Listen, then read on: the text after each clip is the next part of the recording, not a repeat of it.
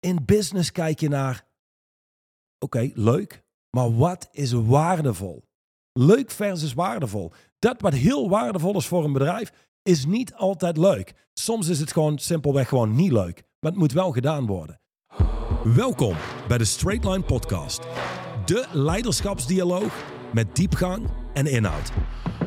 Iedere week opnieuw een eerlijk gesprek over radicaal effectief leiderschap in turbulente tijden. En over winnen in het leven. Welkom bij de Straight Line Podcast met Mandy en Johan van der Put. Vandaag staan wij ehm, stil bij een nieuwe fantastische straight line distinctie uit het boek Straight Line Leadership. Tools. Tools for Living with Velocity and Power in Turbulent Times. Die, die gebruiken we nooit. Nee, is wel zonde, want dat is natuurlijk wel exact wat het is. Tools for living with velocity and power. En voor iedereen die luistert en die denkt, waarom al de Engels? Laatst hadden we weer zo'n ehm, comment op eh, YouTube. Tools for living with velocity and power betekent tools, gereedschappen, om te leven met snelheid en kracht in turbulente tijden. Het is niet Dat is helemaal waar. accuraat, want Velocity... Ja, opwaartse snelheid. Ja, opwaartse snelheid en kracht. Ehm, ja, hoofdstuk 30. We staan er vandaag bij stil. En eh, nou ja, fantastische distinctie. Ik denk zeker in de tijd waarin we leven. ehm, eh,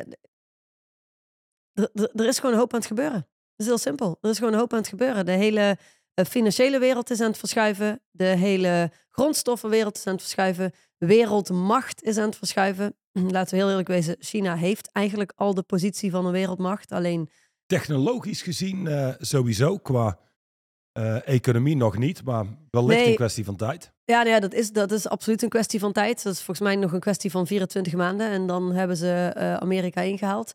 Eh, ik, heb, ik heb geen idee of dat exact correct is, maar dat, dat gaat in ieder geval in een heel rap tempo. En is ook niet meer om te draaien. Ehm, ja, ik denk dat wij in onze lidmaatschappen meekrijgen hoe, hoeveel er gaande is over alle industrieën uitgespreid. En eh, ik denk dat het daarom deze distinctie heel interessant is voor heel veel ondernemers. Het boek start, of het boek, sorry, het hoofdstuk start met een, ehm, een verhaal van Richard Mac Makowicz. Eh, jij kan vast iets over hem vertellen, überhaupt in de basis. Richard Makowicz is een oud Navy SEAL. En Dushan, schrijver van het boek, en, en Richard kennen elkaar. Hij was degene die op Discovery Channel vroeger ehm, Future Weapons presenteerde. Yes. Kale man, eh, absolute, absolute badass. Ehm, en sowieso om überhaupt in de Navy SEALs te kunnen komen, ehm, zul je behoorlijk, zowel mentaal als fysiek gehard moeten zijn. Ja. En dit is typisch een, een Navy SEAL slash Richard Makowicz distinctie. Die eh, in deze tijd al bruikbaar is, maar überhaupt in alle tijden. Want als jij een ondernemer bent en je neemt af en toe risico's, je krijgt hier en daar een keer een klap of een tik. Dus weet je, we leven in een, ehm, sowieso nu in een hele volatiele tijd, waarin heel veel verandert. Waarin je niet altijd zekerheid hebt over, of eigenlijk helemaal geen zekerheid hebt over hoe de wereld er over zes of twaalf maanden uitziet. Exact. Ze- Jij zei vanmorgen, het is een beetje koffiedik kijken. En de, de visies liggen ook nogal uiteen. Hè? De observaties die mensen doen en de voorspellingen die mensen doen voor soms zelfs dezelfde branche liggen behoorlijk ver uiteen. Op dit moment heeft echt niemand een idee. Ze Ja, nou, hebben wel een idee, maar Precies. En laten we zo zeggen, ehm, sinds, ik denk sinds COVID, of eigenlijk gedurende eh, COVID, is er ook een, een, eh, een verschuiving in de maatschappij als het aankomt op gewoon mentale kracht van mensen. Mentale veerkracht, meer mensen met psychologische problemen. Ehm, dus in zo'n hele wisselende markt hebben mensen over het algemeen überhaupt een stuk meer discomfort of voelen zich ongemakkelijker. precies. Puur en alleen op basis dat dingen die voorheen zeker waren, zijn minder zeker. En de toekomst is minder voorspelbaar. Ehm, daar is deze distinctie heel bruikbaar voor. En voor iedere ondernemer die luistert, die echt iets op het spel heeft staan, volledig speelt. Ehm Straight Line Leadership is in de kern geschreven voor de highly committed. En toen ik ging werken met Dushan, daar was hij heel duidelijk in. Johan, het is voor de highly committed. Iedereen kan er zijn voordeel mee doen, maar het is geschreven voor zeer gedreven ondernemers en zeer gecommitteerde ondernemers. Ehm, dit zijn mensen die gewoon opkomen dagen, die spelen voor bloed.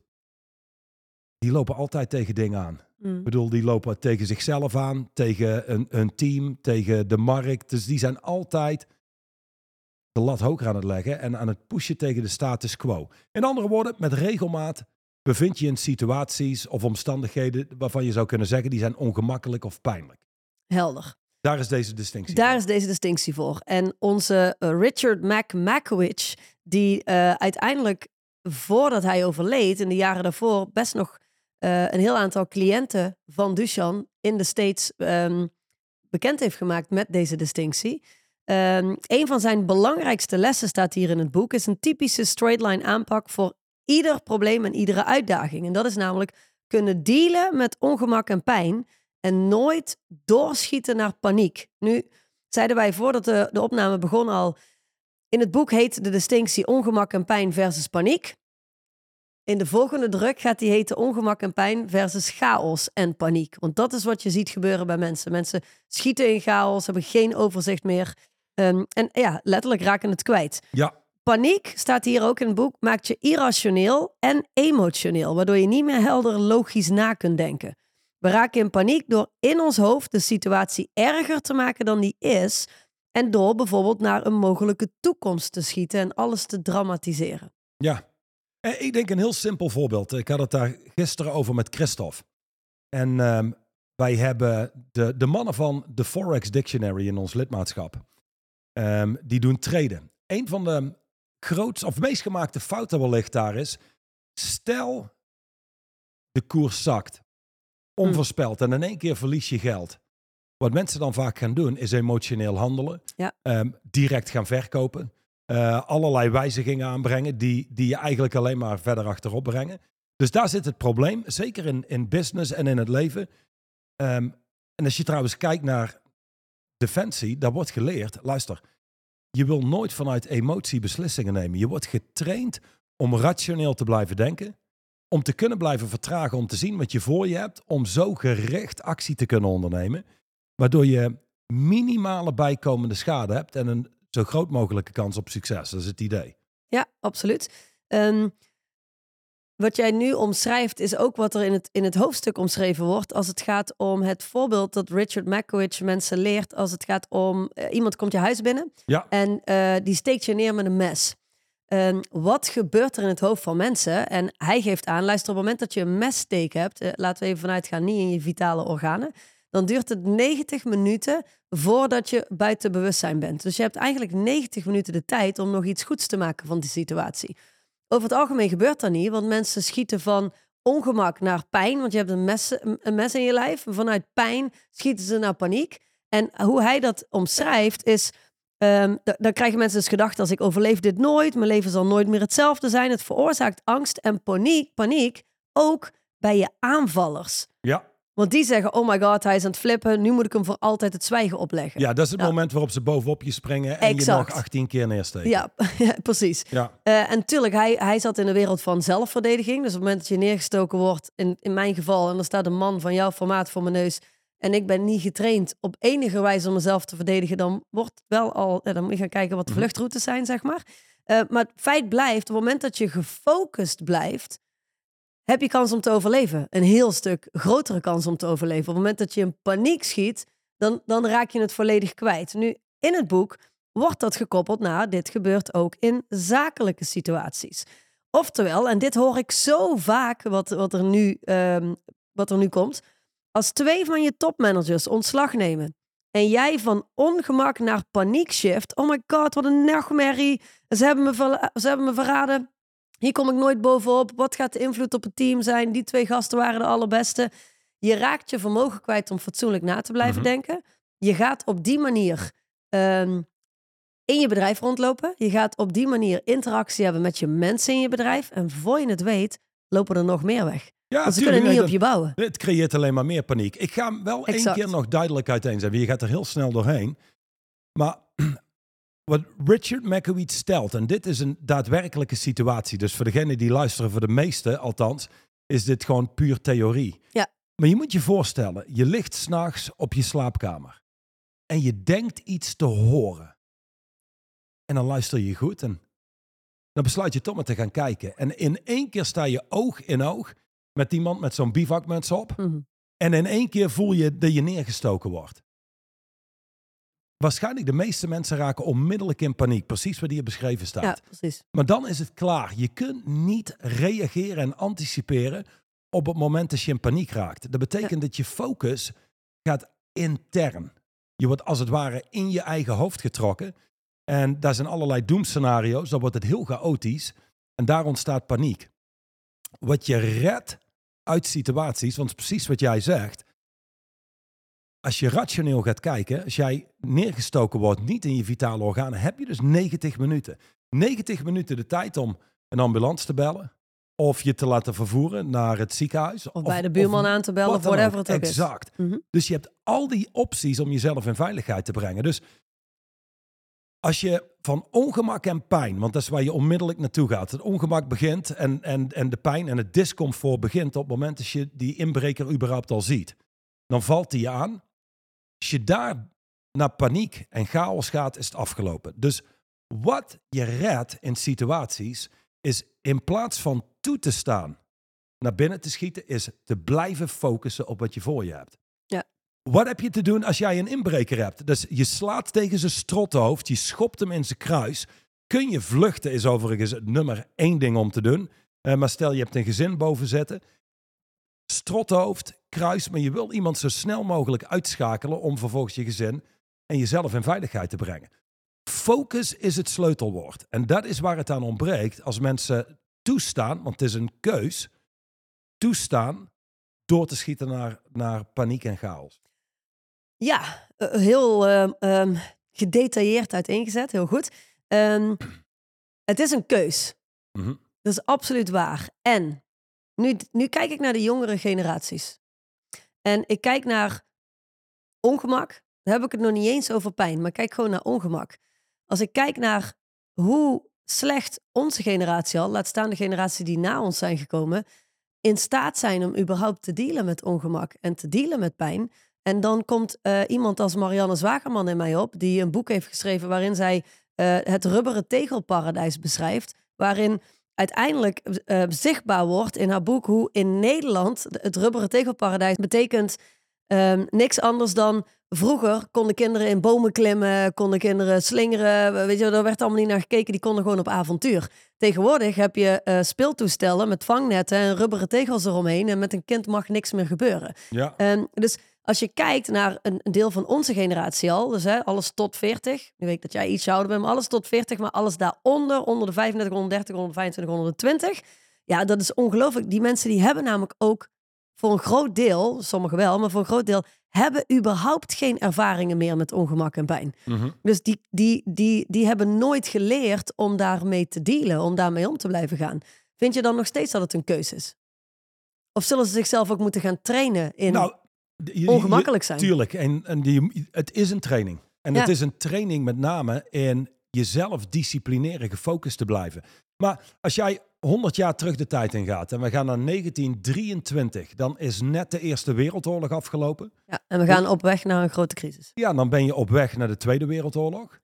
Dan heb je een aantal crisissen doorlopen. Tegen de tijd als jij 80 bent, heb je goh, ongelooflijk wat je meegemaakt hebt. Exact. Als ik kijk, ik ben geboren in 1980. Smooth sailing. Eh, volgens mij 1983 was een economische crisis. Daar heb ik niks van meegekregen. Nee. Ehm, jaren 90 was relatief makkelijk. Ehm, eigenlijk pas de laatste jaren is er steeds meer discomfort en pijn. Zie je het in de vorm van de lockdowns, de avondklokken.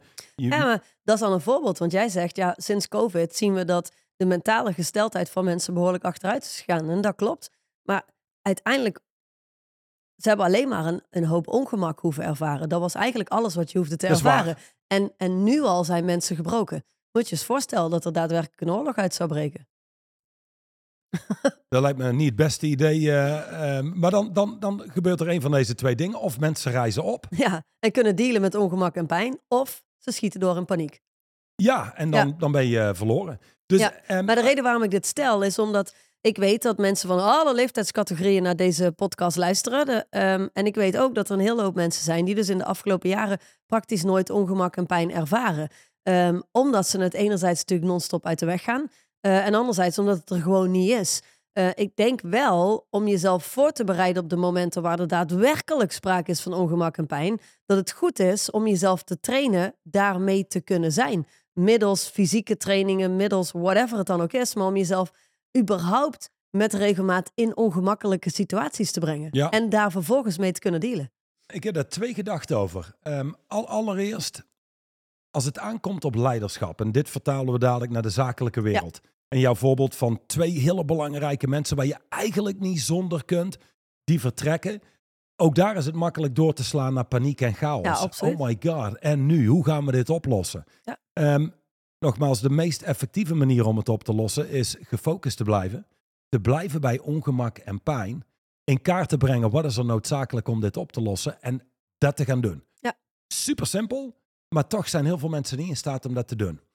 Ehm, om terug te komen op, kun je jezelf trainen hierin? Ja, ja dat zou zijn. ehm, ik ehm, volg een regime, een workout regime, waarin ik eh, vijf, zes keer in de week serieus ga trainen. Ik voeg koud douchen toe. Verder heb ik een, ehm, Ik ga mezelf trainen in dealen met minder slaap, minder eten. Wat is het? Wat, wat, zijn de top drie dingen die mensen eigenlijk minder nodig hebben? Minder eten, minder slaap en minder goedkeuring van anderen. Ja, dat is eh, e- een van de quotes inderdaad eh, die, die we wel eens gebruiken. Ehm daar, daar zullen ook veel mensen trouwens op denken. Minder slaap, ik slaap al te weinig. En, Precies. maar Ja. ja, ja dat is een van de dingen wat oncomfortabel is voor mensen. Ook minder eten dan je nodig hebt. Dus met zo'n licht hongergevoel eh, is ook oncomfortabel. On- ongemakkelijk Ongemak. voor mensen. Ja. Ja, dus dat zou wel een manier zijn om te trainen. Ik, ik eh, hoorde laatst een, eh, een oud Navy SEAL spreken. En die vertelde, mensen vragen mij steeds die naar Hell Week gaan, de, zeg maar de nieuwe lichtingen. Hoe kan ik me daarop voorbereiden? Want we gaan te maken krijgen met hele barre omstandigheden en koude. Ik ben begonnen met koud douchen of ik ben begonnen met ijsbaden nemen. En dan lacht hij en dan zegt hij, weet je wat, Ehm, je kunt maar beter gewoon daar binnenkomen in een staat van readiness. Ja. In andere woorden, bereid zijn om te dealen met dat wat er op je pad komt. En heel eerlijk, het koud douchen en de ijsbaden, zegt hij, heeft helemaal geen nut. Want je hebt geen idee wat er op je pad komt. Ehm, ik, ik denk niet dat het kwaad kan. Dat is de andere gedachte. Ik snap, ik snap de gedachte. Eh, voor mij, eh, ehm, Maar ik wil er nog een- één ding op Oh ja? aanvullen. Omdat er is een, eh, een, een Amerikaanse dame. Ehm, een, een belangrijke dame bij, bij de Amerikaanse Defensie. Ik ben haar naam kwijt. Die ehm, geeft tegenwoordig leiderschapstrainingen. En die zei, wat ik meemaakte bij Defensie, is wij worden op uitzending gestuurd naar Afghanistan was het. Zij moet zo'n peloton leiden. Zij komen in een vuurgevecht terecht en zij raakt in paniek. Dus zij kruipt een huis in, maar raakte zo in paniek. Zeg maar, zat daar in een hoekje, zoals je ook ziet in Saving Private Ryan, voor degenen die die film kennen. Zo aan het einde van de film is er één van die soldaten die durft niet te schieten. Die raakt in paniek. Dus een zich paniekaanval letterlijk. Ja, maar dan ga ik een stap verder. In de Tweede Wereldoorlog is er onderzoek gedaan naar eh, hoe kan het zijn dat bijvoorbeeld drie, drie Duitsers die rennen op zo'n schuttersputje af. Hm. Daar zitten acht Engelsen. En die drie Duitsers die winnen van die acht Engelsen. Hoe kan dat? Het bleek dat mij staat bij ongeveer 60% bereid was om te schieten. 40% schoot bewust mis. Die wilde helemaal niet schieten. Nadeel daarvan is het, dit zijn mensen die breken onder druk. Ja. Dat kun je niet gebruiken in een oorlog. En hetzelfde geldt voor business. Je kunt geen mensen die gebruiken die breken onder druk, want dat creëert een hoop schade. Ja, ik heb er ooit met mijn vader een gesprek over gehad, wat jij nu zegt. Ehm, de- die is natuurlijk 40 jaar bij Defensie gewerkt, eh, uitzendingen en alles meegemaakt. En eh, die stelt, die stelt letterlijk dit. Luister Mandy, we konden onze mannen nog zoveel trainen, zoveel oefeningen, eh, weet je wel, zo goed laten schieten, et cetera, et cetera. Maar je kwam er pas achter wat erin zat op het moment dat we met ze in het veld waren Ja, dan pas, dan pas kon je, ja, dan pas komt het eruit. En hij zei ook, sommige mannen die waren zo goed getraind, zo gedisciplineerd, zo gecommit, waren er altijd, hielden zich aan alle regels. Maar toen het moment, en, en dan waren de mannen waarvan je dacht, goh, op hem kunnen we Ja. rekenen. En toen het moment daar was, he didn't pull the trigger. Ja, dat is ook wel heel interessant, vind Nou, ik persoonlijk. en dus dat betekent, wij kunnen hier spreken over deze distinctie. Ja. En je kunt deze distinctie kennen en weten. En je kunt dit vertellen tegen vrienden en familie.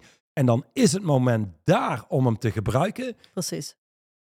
En dan, het, laat het zo zeggen, weten over deze distinctie, weten over leiderschap is iets anders als het zijn van een leider of iemand zijn die bij ongemak en pijn blijft. Ja, die zichzelf onder controle heeft. En dat is de kern van deze distinctie. Ja. Hoe je jezelf daarin traint en die staat van readiness is door jezelf te trainen, te blijven focussen. ja, maar in de basis zeg jij, opnieuw. in de basis zeg jij, iemand die zich daar nooit op heeft getraind, die nooit ongemak heeft ervaren, bij wijze van, of maar heel weinig ongemak heeft ervaren in zijn leven, en in één keer in zo'n situatie komt, ja, die kan net zo effectief en gefocust blijven als iemand die er honderden uren in Ja. getraind is. Ja, en- en Komt, 100%. daar komt het erop aan. Oké, maar dan, dan lijkt het bijna een soort van. ehm, Oeh, nou ja, dan hoop ik maar dat ik dat al- als ik op dat moment in zo'n situatie terechtkom, dat ik in staat Nou ja, ben om. maar dat hè? is, dat, is het ding. het niet. Als iemand zou zeggen, goh, ik hoop dat ik dat kan, Ja, ehm, zou ik dat zeggen, van we zien het wel. Nou, je, je, je zult een commitment moeten maken niet toe te staan te gaan naar paniek. Eh, het Ja. volgende voorbeeld. Ik was badmeester vroeger. Ehm, in mijn studententijd bij een, bij een buitenbad. En ehm, ik weet nog, maar dat was een, een zonnige dag, druk. Dat zijn eigenlijk de makkelijkste dagen, want er is heel veel sociale controle. Dan zal er nooit zo snel iemand verdrinken, hoe raar het ook klinkt. Want je zou verwachten als het rustig is, dan kan er minder gebeuren. Maar het is juist als het druk is, er zijn zoveel ogen op mensen gericht, Dat er eigenlijk niks mis kan gaan. Nou, er was één jongetje, ik schat een jaar of vijf, buitenland jongetje. Die kon niet zwemmen en die had vleugeltjes aan en die ging steeds het diepe in. Dus ik had hem al een paar keer gezegd dat hij in het ondiepe bad moest blijven. Nou, einde van de dag, acht uur s'avonds. Er wordt zo omgeroepen dat iedereen de, de weide moet verlaten en het zwembad is gesloten. Ik, eh, ik weet nog dat ik eh, sta schoon te maken en ik kijk zo toevallig over mijn rug en ik zie datzelfde jongetje zonder bandjes het diepe zwembad inspringen. Ik weet nog dat ik daar dacht, oh wacht, daar moet ik snel bij zijn. Want als hij nu niet Ja. zwemt, dan eh, moet ik hem dadelijk van de bodem afpikken. Nou, je, je staat versteld hoe snel dat gaat. Ik denk dat het 200 meter was, maar voordat ik bij het zwembad was, die lag al op de bodem. En dan niet alleen, die had geen hartslag en geen ademhaling. Ja. En ik weet nog, op dat moment intern speelt er zo'n soort rel af in je hoofd. Gewoon daar leeft chaos, Ja. daar leeft paniek. Maar wat je te doen staat is te focussen. En dat is, nummer één is het zwembad induiken.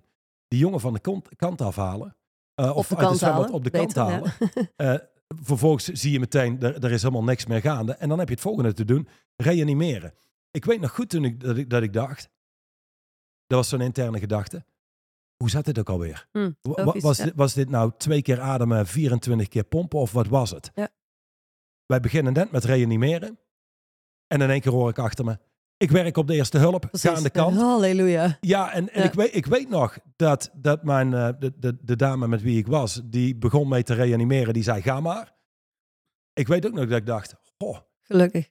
Hier kom ik goed weg, Ja. want zij is getraind. Nou, die jongen, die jongen heeft het uiteindelijk gered. Dit is inmiddels, zal het zijn, 25, 25 jaar geleden zo'n beetje. Ehm, maar dat was zo'n moment waarop je eigenlijk, ja, je hebt geen keus, want dan is zo'n jongen verloren. Ja. Maar je merkt dat je op zo'n zo'n T-splitsing staat. Je kunt toestaan te gaan naar chaos en paniek. Je kunt toestaan om te blijven bij discomfort en pijn of ongemak en pijn. Ehm, de moeder van het kind trouwens, die kwam er ook bij. Ja, die raakte helemaal in paniek. Ja, dat zal Ja, wel. en laat ik zo zeggen, er was voor haar ook niks om te doen. Nee, In precies. die zin, die staat erbij. ja. Dus, Dus, die, die kan niet eens focussen op actie. Exact, En die zal waarschijnlijk gedacht hebben, waarom heb ik mijn kind niet in de gaten gehouden? En dan komen allerlei andere gedachten. ja. Nou ja, ik, eh, op, op zulke momenten vind ik het altijd zo ehm, ehm, interessant hoe, hoezeer een heel groot deel van ons leven eh, zeg maar hetzelfde is geweest. Ik heb, ik heb natuurlijk ook op een zwembad gewerkt als bad, niet meester, maar juffrouw, weet ik hoe je dat dan noemt, Baywatch. Baywatch, babe. Ehm, alleen bij ons is het helaas minder goed afgelopen. Dat was eh, in Gilserijen, Su- Suré heette dat. Dat was een, een eh, buitenplas, zeg maar. Een paar plassen. was ook een hele drukke dag. En er was een, eh, een jongetje van de hoge duikplank gesprongen, die was niet meer boven gekomen. Dus ze kwamen ons halen, want eh, dat jongetje was niet meer boven gekomen. En ik kan me nog, nog echt als de dag van gisteren herinneren. Wij waren volgens mij met vier duikers. Maar dat was natuurwater, dus het was donker onder water. Het was geen zwembad, er was geen licht. Ik, ik kon helemaal niet zien waar, waar ik naartoe dook. Dus wij springen daarin. En de, degene die in de lead was van onze groep, die zegt: Oké, dit is hoe we het gaan doen. Jij daar, jij daar. Dus die gaf meteen goede instructies. was heel fijn. We hadden een hele goede Die leider. Die bleef heel kalm en heel gefocust. En eh, ik denk dat dat voor een deel, in ieder geval mijn redding is geweest om kalm en gefocust te blijven. Want ik was jong, ik was, ik was in mijn tienerjaren en ik, ik had het als bijbaantje. Ehm, en ik kan me echt nog, daar kan ik, heel dat moment kan ik me nog voor de geest halen dat ik voor de eerste en de tweede en de derde en de vierde keer het water induik. Want ja, je komt even ademhalen en je duikt weer opnieuw. En ik dook een donker gat in. En ik wist Ja, dat er een jongetje daar lag die ik moest vinden. Maar ik hoopte niet dat ik degene was die hem vond. Dat is het orkest wat op dat ja. moment door mijn hoofd ging. Ik, ik, ik wist, ik moet alles op alles zetten om dat jongetje zo snel mogelijk te vinden. Dus je, je gaat op je tast echt, eh, zeg maar, proberen om iemand eh, te vinden en terwijl omhoog te kunnen halen. En tegelijkertijd zei een hele grote stem in mijn hoofd: Ik hoop niet dat ik hem vind. Ik hoop niet dat ik hem vind. Ik hoop niet dat ik hem vind. En iedere keer als ik boven kwam, hoopte ik natuurlijk dat een van mijn collega's hem gevonden Ja. had. En nou, uiteindelijk was ik samen met die leider aan het duiken en hebben we hem samen uit het water gehaald. Eh, dat jongetje heeft het helaas niet overleefd, want dat heeft te lang geduurd voordat we hem hadden gevonden of voordat wij überhaupt erbij gehaald werden. Eh, maar het was een hele interessante ervaring, omdat dat voor mij mentaal voelde alsof ik een afslag moest nemen. Ik kon of rechtsaf, in paniek, maar dan was ik boven gebleven. Dan had ik niet ja, dan ga je niet meer naar Nou, beneden. eh, nee. nee, of, of je duikt, maar je doet niet echt iets of zo, zeg maar, weet je wel. Eh, of ja, je negeert dat gewoon en je pakt de andere afslag. Een ander voorbeeld daarvan. Nou, ik wou zeggen, hier zit heel veel kracht in. Waarom? Omdat er is geen enkele gedachte die je kan stoppen. Nee. Ehm, ik zei net grappig, dat, dat duidt op niet, totaal niet de situatie, Nee. maar dat je op zo'n moment dat soort gedachten dus gewoon opmerkt. Weet je, dat is gewoon allemaal gaande. Ja. En dat kan je nooit stoppen. Nou moet ik wel dat denken ding- mensen wel. Nou, Mensen dat is hoe denken mensen handelen. Exact. Ja, zeker. Ja. En ze laten zich stoppen door Ja. gedachten. Door. Als jij dit vertaalt naar business, en dit vind ik een veel interessanter. Ik ken veel meer mensen die fysiek kunnen afzien. Mm. En geen probleem hebben met marathons lopen, hele Ironmans, ehm, jarenlang fitnessen en, en daar afzien in de gym, dan mensen die mentaal kunnen afzien. Ja. In COVID-tijd, als jij als restauranthouder in één keer je hele bedrijf in rook ziet opgaan als het ware, daar kunnen blijven bij discomfort en pijn en gefocust blijven en gefocust zijn op we redden het niet meer, dan zullen we krachtig failliet moeten gaan. Ja. Of gefocust blijven op wat dan wel en we gaan bezorgen. En we- we leggen de focus op minimaal dezelfde omzet, maar dan op deze nieuwe manier van werken. Dat houdt je weg bij chaos en paniek. Er gaat nog tijd op ons afkomen. Er is een hele hoop gaande op dit moment. Ja, dat, dat, volgens mij is het je juli, daar niet bij helpen. Nee, in Nederland is het toch 1 juli waarop eh, iedereen alle ehm, giften, zoals alle mensen die geen ondernemer zijn het zien. Ah, wat, wat doen al die ondernemers toch moeilijk? In de COVID-tijd hebben ze toch allemaal geld gehad? Ze zijn Ah, toch zo, allemaal ja. ondersteund? Ja, ja, en dat, is, dat moet allemaal terugkomen. Dat moet allemaal voor 1 juli dit jaar in. Nederland terugbetaald zijn. Voorspelling is dat er nog een hoop om gaan vallen. Ongetwijfeld. En als mensen gaan zien of hoe, hoe het verschijnt voor in die situatie is, dat gaat ons nooit lukken. Ja. Dan kun je doorschieten naar pijn, Paniek. eh, sorry, naar paniek, chaos. Of je focust op wat moet er gebeuren om het wel te doen. Ja. En dat doe je volledig, zonder enige terughoudendheid. En dan let's see how the chips may fall. Ja, het is, het is de focus op de actie. Ja, Hetzelfde als ik. Die, ik focuste gewoon op duiken en zoveel mogelijk voelen. zeg maar, dat was mijn focus. Eh, ondanks dat ik een heel orkest had, was dat mijn focus. En dat is voor ondernemers hetzelfde. Je zal moeten duiken en moeten focussen op wat je te doen staat. En dan kun je die, die chaos en paniek onder controle houden. Ik weet, dit is misschien niet een voorbeeld wat mannen extreem aanspreekt, maar tegelijkertijd ehm, eh, spreekt het wel tot de verbeelding. Ik ben, we hebben natuurlijk één dochter, dus ik ben één keer zwanger geweest. En ik denk dat dit ook een, een, een interessant uitgangspunt is. Ehm, ik keek namelijk voor een deel enorm uit naar de bevalling. Klinkt een beetje raar, want ja, je, ziet in films en zo altijd dat het iets verschrikkelijks is. Maar voor een deel keek ik er naar uit, omdat ik dacht, jarenlang heb ik dit mentale werk gedaan aan mezelf. En nu ga ik in een situatie terechtkomen waarin het de vraag is, kan ik gewoon heel erg goed en onder, in control blijven? ja. En wat ik heb gezien bij al mijn ehm, eh, contacten, vriendinnen, dames waar ik goed contact mee heb, die op voorhand alles helemaal uitgedacht hadden, die, die ehm, eindeloos veel video's en artikelen hadden gelezen over bevallingen en hoe dat allemaal werkt en wat alle mogelijkheden zijn en waar je, waar je bang voor moet zijn en wat er allemaal mis kan gaan. En die van die speciale bevallingstrainingen hadden gedaan en ademhalingstrainingen en weet ik van wat voor gekheid allemaal. Ieder van hen, stuk voor stuk, ieder van hen die een bevallingsplan had geschreven en het helemaal uit had gedacht en alle rampscenario's in zijn hoofd. En ieder van die dames heeft echt een dramatische bevalling gehad. Echt een dramatische bevalling. Keizersnedes, 48 uur bevallingen en weet ik van wat voor shit allemaal. Wekenlang moeten herstellen. Ik heb vanaf dag één besloten, weet je, er zijn miljoenen vrouwen op deze wereld die dit al gedaan hebben. Mijn lijf is hiervoor gebouwd. Dus hoe kan ik me voorbereiden? Door zoveel mogelijk in overgave mee te kunnen gaan. Nou, toen zat ik daar dus in dat bevallingsbad. Uh, in, in, met, met weeën waarvan, ja, daar zit je in pijn. En dan moet je kunnen dealen met die pijn. En daar had ik diezelfde, uh, dat, diezelfde metafoor van een afslag. Bij iedere wee ervaarde ik mentaal, ik kan nu rechtsaf weg willen van de pijn. Want dat is ook een ja. ding, hè. Waarom raken we in paniek? Waarom raken we in paniek als mens zijnde? Omdat we weg willen van pijn. Omdat we weg willen van pijn. En dat is echt hoe ik het ervaarde. Dus die week kwam en ik kon rechtsaf slaan. Weg van de pijn. Waarvan ik weet, weg van de pijn betekent meer pijn. En dat is Ja. hoe het werkt in het leven. Weg van iets. Weerstand hebben bij iets zorgt alleen maar voor dat het meer macht over je krijgt. Of ik kon rechte pijn in. Zeg maar, ik kon links afslaan en gewoon rechte pijn in. Wij hebben een, een eh, Amerikaanse eh, vriend die ik toen kort van tevoren gesproken heb. En die zei: ehm, Mandy, ik heb één advies voor je. Ondanks dat ik een man ben en nooit een bevalling heb gedaan. Ehm, be pain when you experience it. Dat was de zin die hij me meegaf. Heeft hij gestolen van Duchan? Fine. Ehm, maar be the pain when you experience it. En dat was voor mij het is zo'n soort van zo'n mantra.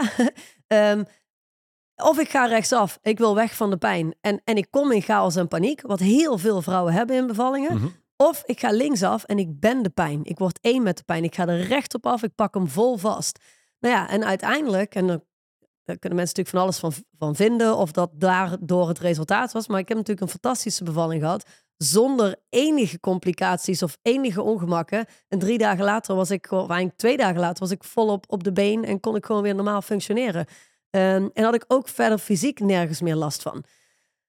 Nu wil ik niet zeggen dat er niet zoiets is als bepaalde complicaties die kunnen optreden, maar hoe je mentaal in zo'n wedstrijd zit, maakt al het verschil. En het, het opduiken van een, eh, van een kind van de bodem van, eh, van een zwembad of van een meer, eh, het, het hebben van een bevalling, dat zijn allemaal situaties waarin je uitgedaagd wordt. Mhm.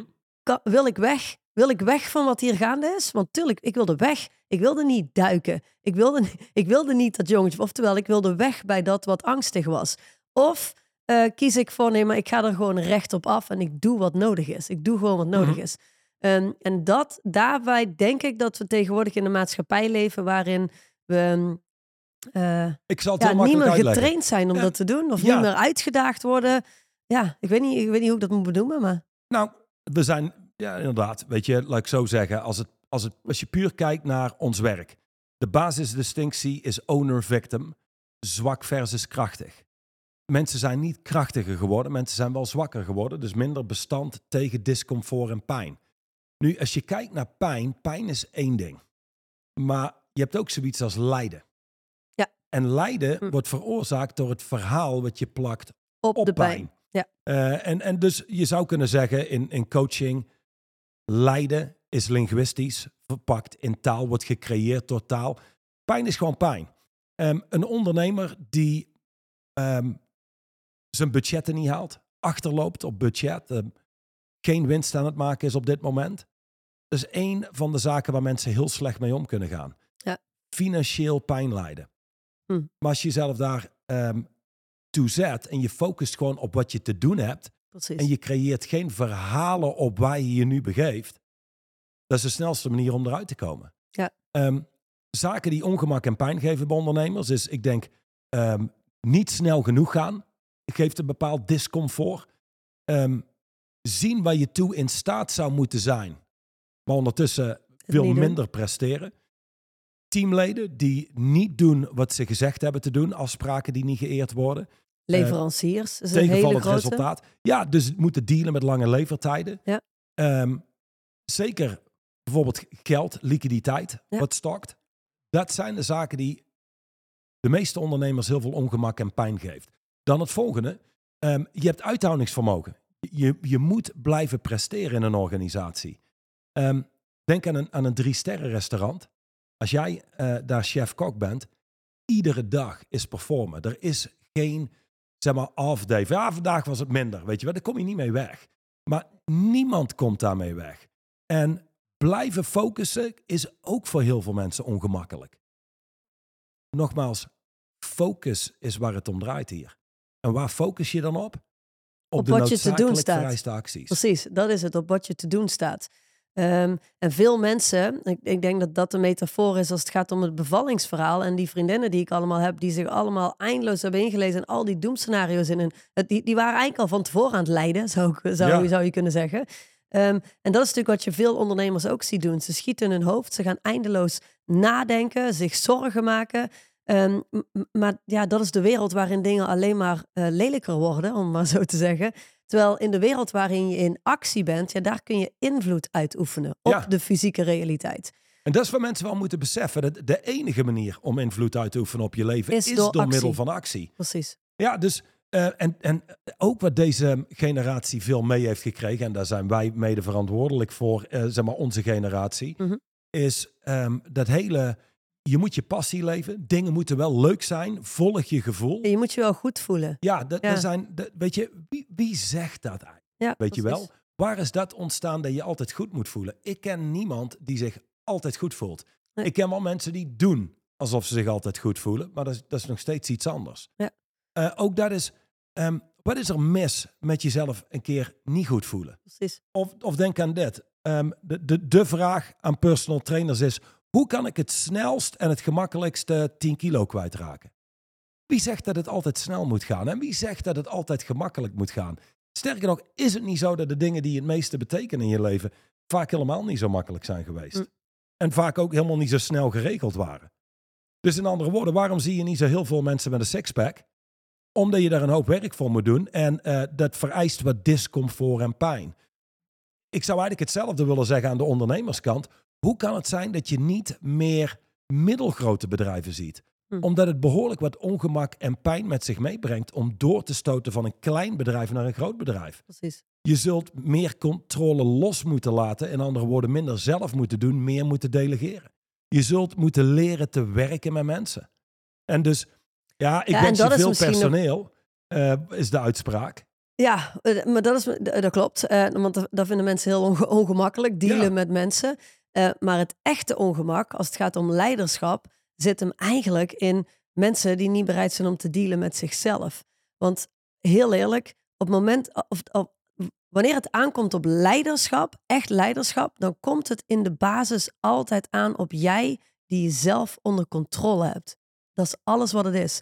Mensen die denken dat ze als leider goed eh, leren communiceren door allerlei eh, eh, trainingen te doen, allerlei cursussen en te weten, oh, die persoon is geel en die persoon is blauw en die is oranje en die is roze, dus daar moet ik op die en die en die manier mee omgaan. Het maakt geen enkel verschil als je geen controle hebt over jezelf, over je eigen interne werelddialoog, over je eigen emoties. Dat is het begin, maar als je mij vraagt, ook het eindpunt van leiderschap.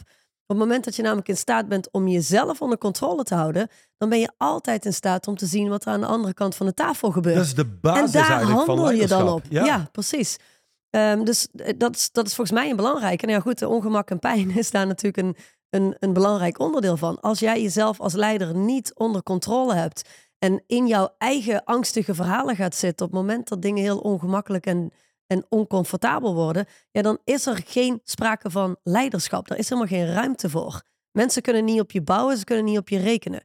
Eh, dus de, de focus moet Dus wij- altijd wij liggen op wat staat ons te doen. Ja, maar wij spreken wel veel over leiderschap hier. Maar als wij een stap teruggaan, hoeveel van de mensen die luisteren zijn in staat om zichzelf echt te leiden? En dat is en, eigenlijk en, en dan gaat leiderschap. zo simpel van jezelf te leiden naar de meest effectieve keuzes die je, die je te maken hebt qua eigen gezondheid. Precies. De, de keuzes die je te maken hebt als, gewoon als het gaat om je eigen welzijn. Ja. Weet je, wat staat jou te doen als leider? Wat zijn, wat zijn jouw taken? Wat zijn jouw verantwoordelijkheden? Ben je die aan het doen? Ja. En dan kom je erachter dat mensen in de kern al zeer matig in staat zijn om zichzelf te leiden. En, wat het overneemt zijn hun gevoelens en emoties en verhalen. Ja. En daar zul je effectief mee moeten kunnen omgaan. Wil je eerst om, om vervolgens anderen te kunnen leiden. Ja, en, en om het dan nog één stap verder te trekken, nu hebben we het over leiders. Ehm, iedereen in deze wereld die een kind op de wereld heeft gezet, is in de basis ook een leider. Want je hebt namelijk nogal een verantwoordelijkheid te dragen. En ook daar zie je dat ehm, ouders die bijvoorbeeld veel werken, eh, bepaald ongemak ervaren vanuit ehm, eh, dat ze minder tijd hebben met de kinderen. Dus de kinderen heel erg pamperen, eh, voorzien van alles. Zodat je de kinderen tegenwoordig Beetje Die- die- compenseren voor een eigen schuldgevoel. compenseren voor een eigen schuldgevoel. Nou ja, vroeger in onze tijd was het natuurlijk al als je moest, als je moest huilen, dan kreeg je een lolly in je mond geduwd. Dus eigenlijk zijn we ook heel erg getraind en geconditioneerd om niet, o- o- laat ik zo zeggen, om direct weg te willen bij de zogezegde negatieve emoties. Hè? Want in de basis zijn emoties emoties. Negatief, positief is linguistic, is wat we erop plakken. Maar iedereen snapt wat ik bedoel met de negatieve emoties en de positieve ja, de emoties emoties die je liever wel Die je- ervaart en degene die je liever, liever niet, niet ervaart. ervaart. Ja, maar dat is grappig, want dat, het feit dat alleen al, er zijn emoties die we liever niet ervaren. Wat als we dat helemaal ervan afhalen en, en je gewoon je ervaart ervaart, whatever er is. Als je gewoon het leven ervaart zoals het leven komt en vanuit daar kunt dealen ehm, met uitdagingen om te komen daar waar je wil komen. Dat, dat, het- leven is niet zo ingewikkeld. Het is wij die het heel ingewikkeld maken. En wij die onszelf, maar daarmee ook onze kinderen. En ik denk dat dat ook een interessante distinctie eh, daarvoor is. Als kinderen ongemak hebben, als ze pijn hebben, als ze vallen, leer ze aan dat het oké is om pijn te hebben. Leer ze aan om rustig adem te halen. En ik wil niet zeggen dat je je kinderen niet, niet moet troosten, maar, maar niet altijd meteen eroverheen en het allemaal oplossen voor de kinderen. Het is oké als een kind afgaat op school omdat hij een presentatie moest doen. Who cares? Het is echt oké als dat kind afgaat. Het is ook oké als je kind op school op zijn donder krijgt, terwijl het misschien niet rechtmatig is. Ja, dat gaat in de wereld straks ook gebeuren. Is het dan echt nodig om als ouder zijnde op hoge poten naar die leraar te lopen en je mening te geven en te vinden dat er allemaal niet mag ten opzichte van je kind? Nee, tuurlijk, als dat constant gebeurt, heb je op, een- op een gegeven moment een bepaald punt dat je in wil grijpen. Maar laat je kind alsjeblieft alle ongemakkelijke dingen van het leven ervaren, zonder ze op te lossen voor hem ehm, of haar. Want je geeft ze zo'n veel betere, stabielere basis mee dan wanneer je altijd alles maar oplost en Ik denk opvangt. En dat geldt ook voor je medewerkers. Ja, ja weet je, en laat ik zo zeggen, ook bij, bij bedrijven zie je dat, hè, dat als je niet oplet, draait het nog om, hebben we het leuk met elkaar? Ja. Maar laten we heel eerlijk zijn, alles wat de moeite waard is om voor te vechten, is niet alleen maar leuk. Nee. Ehm, en ik denk dat, dat eh, als het alleen maar niet leuk is, laten we zeggen, is- zijn, er is bijna niemand op gebouwd om daarmee om te Nee. gaan. Ehm, maar laat ik zo zeggen, doorslaan en het moet allemaal leuk zijn, leidt zelden tot productiviteit. Zelden. Ik had laatst een sollicitant en die was ook heel leuk. Die zei, ehm, ja, die, wil, die wilde wel groeien. Hij kwam bij ons solliciteren omdat hij gefocust was op groei. Ik wil groeien als mens, ik wil groeien in mijn functie. Eh, ik zei, oké, wat, is, wat is het allerbelangrijkste voor je hè, binnen een bedrijf? Ja, ehm, dat het leuk is. We, we moeten het wel, eh, het moet gewoon leuk zijn. Het moet goed voelen en het moet gewoon leuk zijn. Dat je denkt, oké, dat is wel interessant. Als iemand komt bij ons omdat hij wil groeien als mens, eh, maar de belangrijkste focus is wel dat het leuk moet zijn. Ja. En eh, weet je, Dat ik gaat ben, samen als een paard en rol ja, het, gaat, het gaat gewoon niet samen. Tenzij, en dat is een heel andere manier van kijken, tenzij je besluit dat discomfort leuk is.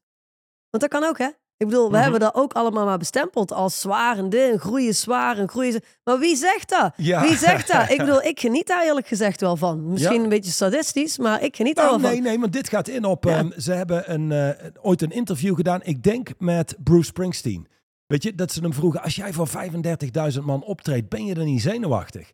Waar- waarop hij zegt: nee.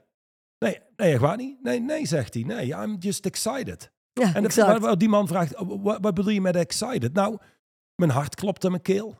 Mijn eh, handpalmen, die, eh, die zweten. Mijn mond wordt wat droog. En die, en die man zegt: dat is zenuwachtig. Wie hij zegt zo- dat? Nee, nee, excitement. dus het, het zit hem wel helemaal in hoe we dingen labelen. En ik moet zeggen, weet je, als je kijkt naar een bedrijf, en dit is een belangrijke distinctie.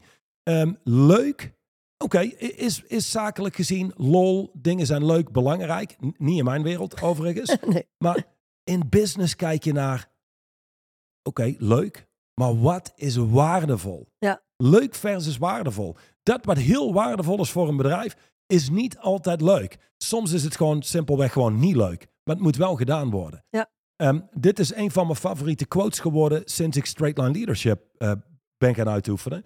You don't have to like it, you just have to do it. Ja. En sommige dingen brengen nou eenmaal wat discomfort met zich mee. Als jij jezelf traint in dingen doen gewoon met discomfort, dan stelt het niks voor. Sterker nog, tot slot, toch ook weer zwemgerelateerd. Het is eigenlijk een soort van zwempodcast geworden dit. Ehm, maar op dinsdag zwem ik met onze dochter, met Lotus.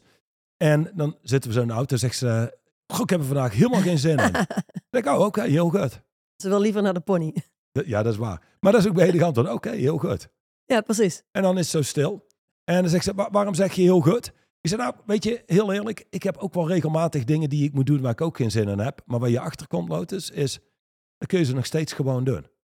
En inmiddels, we doen dit al meer dan 2,5 jaar. Dus ik kan echt goed zwemmen, een borstkrabbel. En, het is eigenlijk meer zwemtraining geworden. En ze ziet wel, ik word er wel beter in. En nu hebben we het nieuwe eh, bedacht is, wij houden van dingen doen die we niet leuk vinden om te doen. En dus zitten we ook gewoon in één keer met zin eh, om te gaan zwemmen in het zwembad. Precies. Maar ja. niet zozeer omdat het zwemmen nou zo leuk is, maar we vinden het leuk om dingen te doen die we misschien liever niet doen. Ja, ja, ja, maar, maar, d- ja dat, is, dat is heel werkbaar. Zo heb ik enorm veel vrouwen gehad in mijn leven die mij gevraagd hebben: Mandy, hoe zorg jij voor balans in je leven? Je hebt je dochter, je hebt eh, die, eh, die, die, die stichting paarden die je runt, je hebt je man, je hebt je bedrijven. Hoe doe je dat allemaal? Goh, heel eerlijk, mijn oplossing is: ik ben gewoon in balans wanneer ik in disbalans verkeer. Ik bedoel, je kunt gewoon, je kunt als mens zijn er gewoon in balans zijn als je hele leven niet in balans is. Ik bedoel, los van de hele discussie, wat is balans dan eigenlijk? Maar je kunt gewoon als mens zijnde in balans zijn, terwijl alles om je heen in disbalans is. Dus Ba- dat balans, balans voor mij is in Nee, ieder geval niks. niet. eh, nee, nee, het is vijf uur geweest. Het is mijn vrije tijd. Nee, dat kun je Nee, me echt niet meer bereiken. Nee. Balans zou zijn, luister, allereerst alles wat van belang is, loopt te klooien met je balans.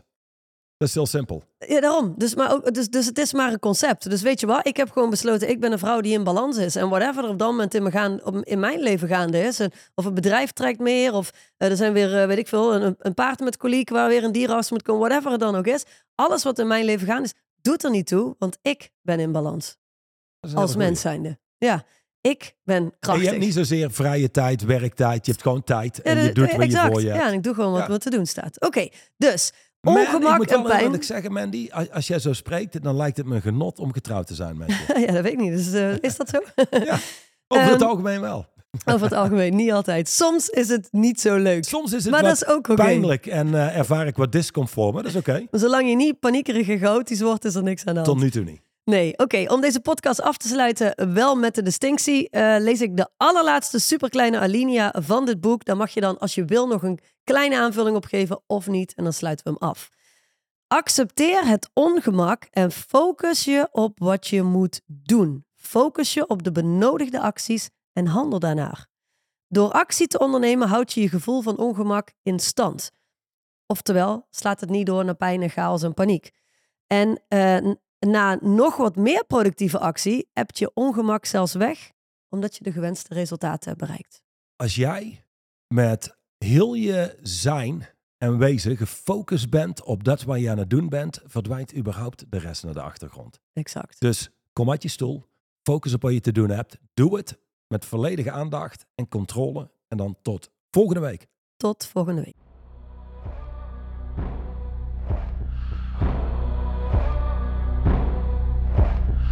De overige podcast beluisteren of deze nog eens terugluisteren? Ga naar het YouTube of Spotify account van Straight Line Leadership.